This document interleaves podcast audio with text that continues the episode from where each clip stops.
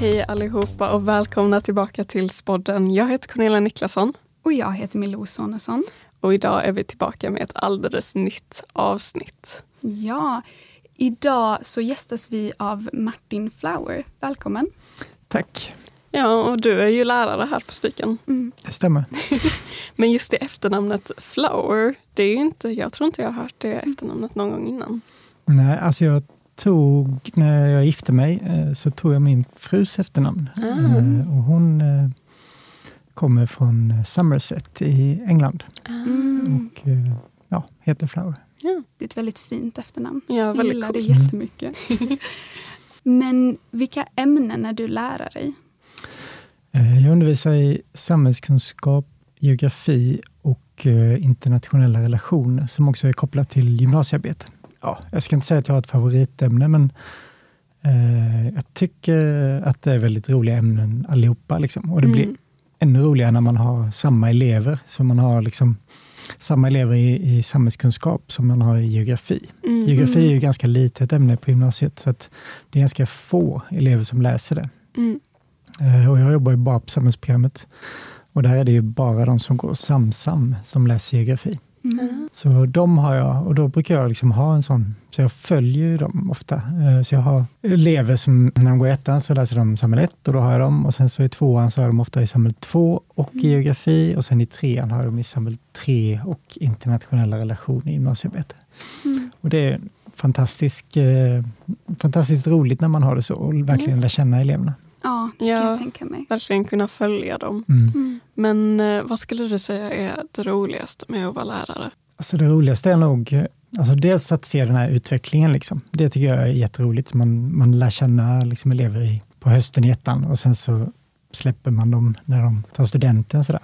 Eh, den resan är väldigt rolig att följa, för det händer så himla mycket under de åren. Liksom. Men annars så är det väl roligt när poletter trillar ner. Liksom. man, man, liksom, man, har, man har lektioner och man liksom hör nästan hur de här poletterna trillar ner. Det är väldigt roligt också. Det är roligt som elev också, känner jag. Ja. När man äntligen fattar någonting, man bara ja, nu! Ja. Men varför valde du att bli lärare på Spiken? Jag jobbade i Göteborg. Eh, jag gick min lärarutbildning där och så jobbade jag där i många år. Och Sen så fick min fru en tjänst på universitetet här i Lund och då flyttade vi ner och då hade inte jag något jobb. Liksom. Eh, och då eh, var det faktiskt att jag hade talat om, jag talat om Spiken just. Då var jag här och eh, sa till rektorn att hallå, här finns jag, jag vill ha jobb. Men det fick jag ju inte. Det fanns ju inget jobb till mig. Så då jobbade jag på Polhem först. Jag fick ett sånt vikariat där. Oh, stackars dig. ja, alltså grejen var att jag trivdes faktiskt inte särskilt bra, så jag mm. tänkte faktiskt sluta och vara lärare. Ehm, så, jag, jag, tyckte inte att det var roligt alls. Och sen så, ehm, men sen så när, när i slutet av terminen där så um, dök det upp en tjänst på Lars-Erik Larsson-gymnasiet, mm. som är en väldigt liten liksom, friskola med musikprofil. Och eh, då sökte jag och fick den tjänsten där. Eh, och det var väldigt roligt, för då startade vi upp Eh, deras samhällsprogram då hade inte de haft något samhällsprogram innan, utan då var jag med och startade upp ett nytt samhällsprogram för dem. Ehm, och det var jättekul att vara med på det. Men eh, jag visste ju ändå att det var Spyken jag ville till. Så då dök det upp en tjänst här. Eh, så då sökte jag den och, och fick den. Och eh, sen dess så har jag varit kvar ganska mycket, men sen så för, vad kan det vara, fyra år sedan då, typ strax innan pandemin, eh, så jobbade jag faktiskt ett par år för Universitets och högskolerådet istället, som är en statlig myndighet och då jobbade jag med lärarfortbildning med dem istället. Men sen så tog det uppdraget slut och då var jag jätteglad att jag fick komma tillbaka till Spiken, för jag hade nämligen varit tvungen att säga upp mig härifrån, för att mm. eh, man får inte vara tjänstledig hur länge som helst. Mm. Så då var jag tvungen att säga upp mig och, och sådär. Men så hade jag kvar, så jag jobbade bara 20 procent här. Jag hade kvar gymnasiearbetskursen. Eh, och sen så eh, lades det här uppdraget som jag hade då för Universitets och högskolerådet ner och då var jag jätteglad att det fanns en tjänst till mig på Spiken. Mm. Så nu är jag tillbaka och eh, liksom fast anställd igen. Så. så det är kul.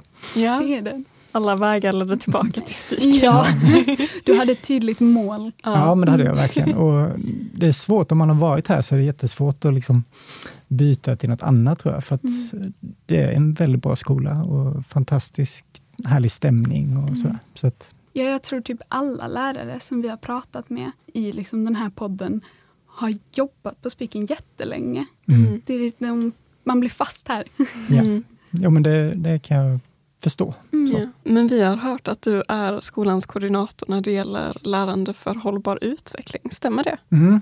Eller en av tre. Vi är tre koordinatorer. Mm. Eh, jag är för samhällsprogrammet. Eh, sen så har vi Fredrik Axén som är för natur Eh, och sen har vi Elisabeth Karlström som är på estet och HU. Så vi har det som en del i vår tjänst. Det är ingen stor del av tjänst, men, men lite grann. Att vi ska liksom organisera skolans arbete med lärande för hållbar utveckling. Och lärande för hållbar utveckling är ju liksom, ja, det är ganska komplext sådär och vad man ska göra eh, och hur man kan jobba. Det finns liksom inga lätta svar på det, så vi gör lite olika saker. Det kan handla om att vi är med i de här typ Spiken läser eh, och det kan handla om att vi organiserar hållbarhetsambassadörerna som är en liten del i skolans hållbarhetsarbete också. Och sen ordna liksom fortbildningar för lärare, för hållbarhetsambassadörerna och ja, andra aktiviteter. Men lärande för hållbar utveckling är ju så liksom komplext och hela hållbarhetsfrågan är ju otroligt komplex. Liksom vi, har mm. de här, vi kallar det vilda problem, liksom problem som inte finns inga enkla lösningar. Eh, och hur ska vi undervisa om den typen av frågor i skolan? Det, liksom, det finns inga svar. Vi är inte ens överens om att det är ett problem och ifall det är ett problem så vet vi inte hur stort det är. Alltså sådär. Den typen av frågor är supersvåra att hantera i skolan för vi, vi är duktiga på att hantera liksom, avgränsade problem och inom ämnen än så. Liksom. Men, mm. men när det kommer till de här stora, då behöver man tänka lite nytt. Och, mm. och det finns det ett utrymme för här på Spiken, tycker jag. Och jag har fått en del av det utrymmet genom att vara koordinator för lärande för hållbar utveckling. Ingår sånt som typ vattendagen och det i det ja, här? den fixar vi. Det låter som ett väldigt stort uppdrag för bara tre personer. ja, och tre personer som gör det på typ 10 procent av en tjänst. Men, men, ja. men eh, ja, det, det, är det ju. Men mm. Eh, det är så det är. Mm. Mm. Men intressant. Ja. Ändå också. Det måste vara väldigt givande dock. Mm. Ja, men det är det. Och det är jätteroligt att det händer så mycket på Spiken och att vi liksom har möjlighet att göra så många grejer. Och de här, alltså världsvattendagen och Spiken tar ställning hade vi innan, nu har vi Spiken läser. Så att vi gör den typen av saker så att alla elever på Spiken får, liksom, de får med sig ganska mycket kring hållbarhet, men sen är det vissa som får mer naturligtvis. Så där, det mm. ingår i kurser och så. Eh, geografikursen är till exempel en sån kurs där det ingår jättemycket hållbar utveckling. Men att alla elever, oavsett vilket program och, och vilka lärare man råkar ha, så ska man ha liksom, ganska mycket hållbar utveckling ändå. Mm. Det är väldigt viktigt, väldigt relevant. Mm. mm.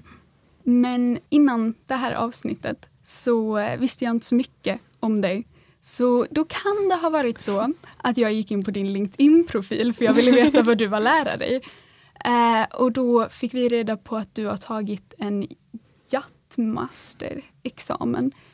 Vi blev väldigt nyfikna. Vad innebär det? Ja, alltså det är ju det som på svenska brukar kallas skepparexamen, som gör att man kan köra fartyg kommersiellt. Alltså jag kan jobba som skeppare. Mm. Eh, och det har jag gjort lite grann, fast inte så mycket. Eh, och då har jag kört eh, båt med dykare.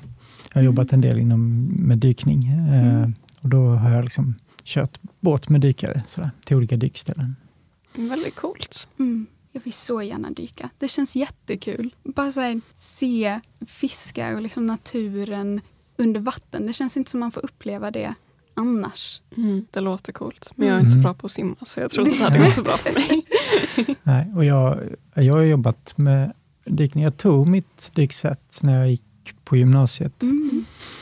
Eh, och sen, så, sen dess har jag liksom hållit på med dykning och jag har vidareutbildat mig och liksom jobbat professionellt som dykinstruktör och så. Eh, mm. Och sen nu faktiskt i, så sent som i våras så gick jag en eh, konverteringsutbildning eh, uppe i Stockholm hos brandkåren där för att få en eh, yrkesdykarlicens. Mm. Så jag kan göra andra typer av alltså jobb, arbeten under vattnet också.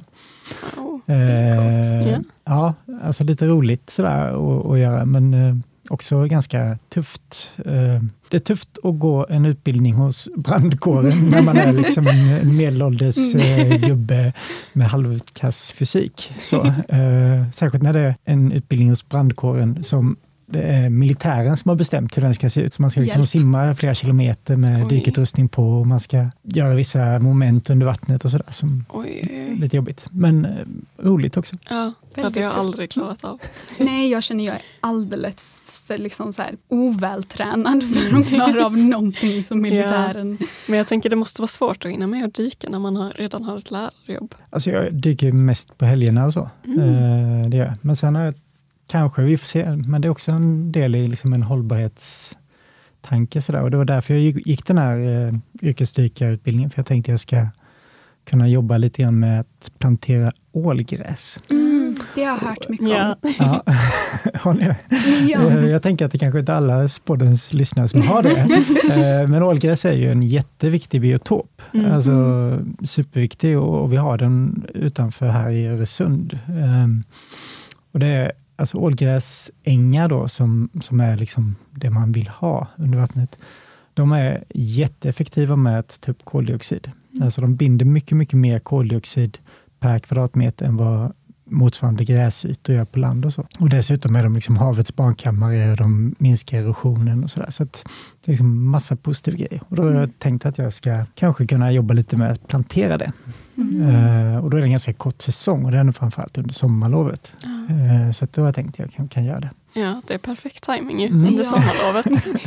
Och det är ett väldigt bra och viktigt projekt. Mm. Alltså det är ju verkligen ett hyfsat lätt sätt, relativt lätt sätt att göra stor skillnad. Mm. Jo, men gör någonting konkret sådär Mm. och liksom som, ja, som är bra på olika sätt. Mm. Och det är ju alltså, de här liksom vilda problemen, så som till exempel det här är med, med klimatförändringar och så. Eh, det är svårt att veta hur man kan agera för att det ska bli bra. Och det, det är ganska få saker som man, sådär, ja, men det här är bara bra. Mm. Eh, Men att plantera ålgräs är en av dem.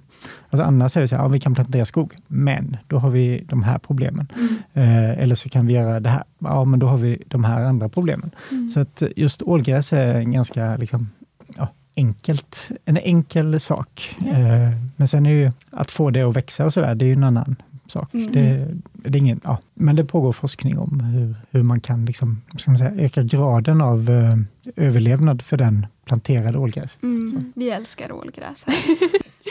Eh, Men jag tänker, ska vi kanske gå över till lite Instagram-frågor? Ja, det Vi gör vi. låter ju våra följare skriva in frågor som de vill ställa till dig. Så vi har fått ett par stycken. Och den första Instagram-frågan är, vilken är din favoritsten från stensamlingen?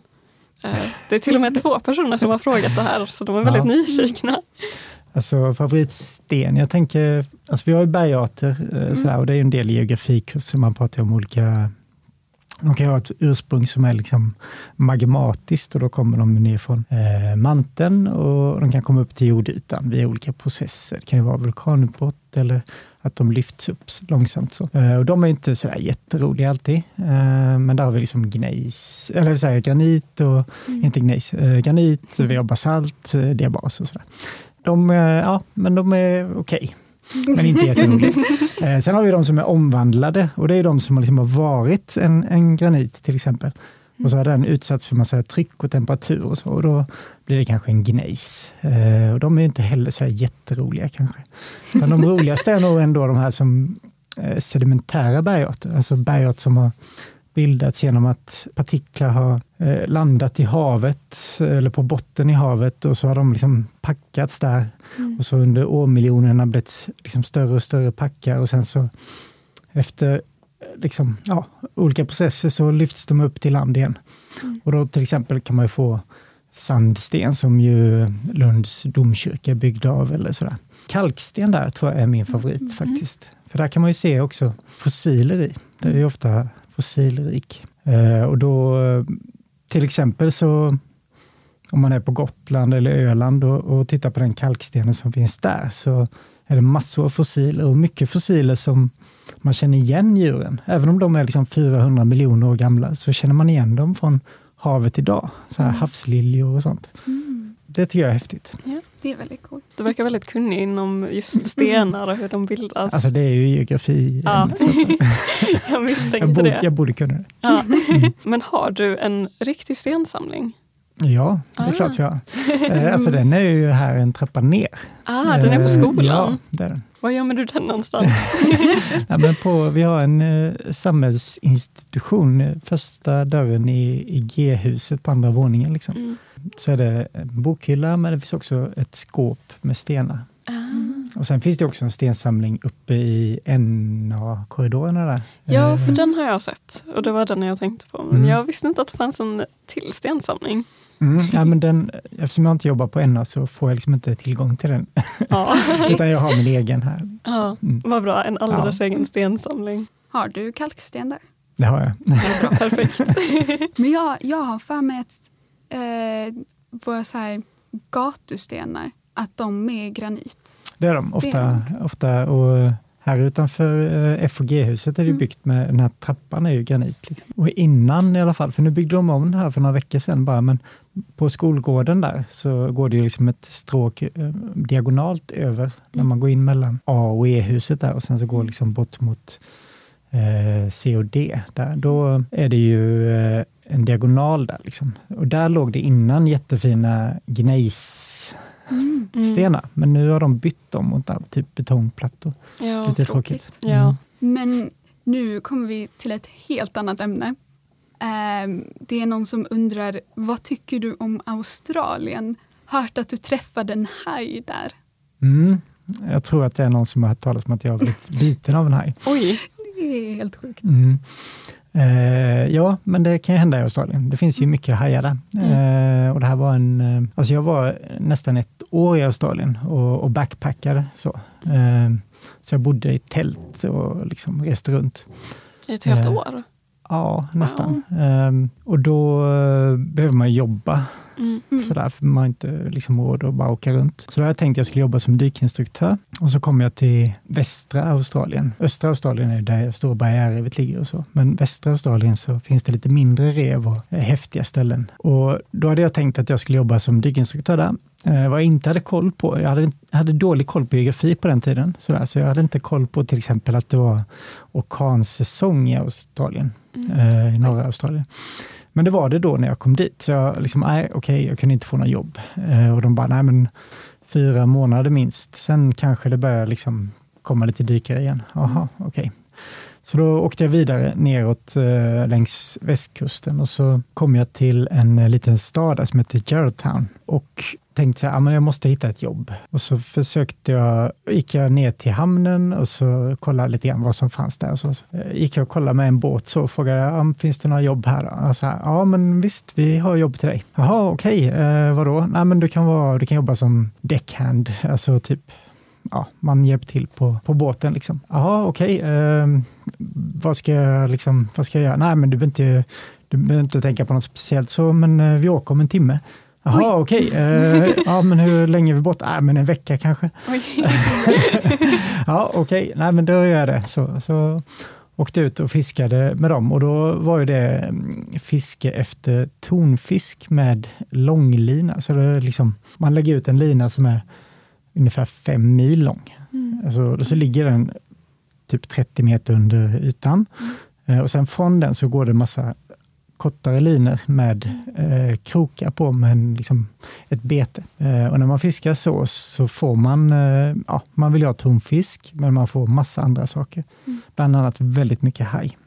Mm. massor av eh, blåhaj och hammarhaj och sådär. Och de är inte så, liksom, ja, man, man tar inte upp dem egentligen, utan man, liksom, ja, man skär av linan när de kommer nära och sen så mm. får de sin väg. Och så, ja, jag vet inte, ofta så har de en krok någonstans i munnen som förhoppningsvis försvinner, men mm. det vet man inte riktigt. Ja, stackars hajar. Ja. ja, men i alla fall, eh, en gång så fick vi upp en eh, mackohaj. Och en mm. mackohaj det är typ som en vithaj, fast lite, mm. lite mindre, lite snabbare. Mm. Den snabbaste hajen. Mm. Eh, men också jättevassa tänder. Oj. Och då skulle vi försöka eh, släppa i den här igen, men då, då eh, skulle jag ta ut kroken i munnen. Mm. men jag trodde att den agerade som andra hajar gjorde, men det gjorde den inte alls. Den liksom högg vilt omkring sig. Så Oj. den högg mig i handen. Eh, så. Oj. Hjälp, det där kan inte ha känts trevligt. Nej. Fy Nej, det, var, det var lite läskigt. för det var lite oväntat också, liksom, Mm, att den skulle vända på huvudet och hugga. Så. Det, Ja. var, ja, det var ju liksom, det var inte så att man åkte hem för att någon blir hajbiten, utan man, man Mm. är ju kvar ute till havs. Liksom. Ja. Det var Eh, bara vanlig tisdag. Ja, typ så. Men, eh, men som tur var så skulle vi ändå hem nästa dag. Så att jag, hade Mm. liksom, jag behövde inte gå så länge med det här, utan jag fick komma in till land och få antibiotika och Mm. stelkrampssprutor och sådär. Vad tur. Behöver man eh, stelkrampsspruta när man blir biten av en haj? Ja, det tror jag. Mm. Det är bra för dig att veta. Det känner jag, det kan vara viktigt. Om Det är jag, viktig information. om jag nu ska börja dyka, då Ja. måste jag veta Ja. vad jag ska göra Mm. när jag blir biten av en haj.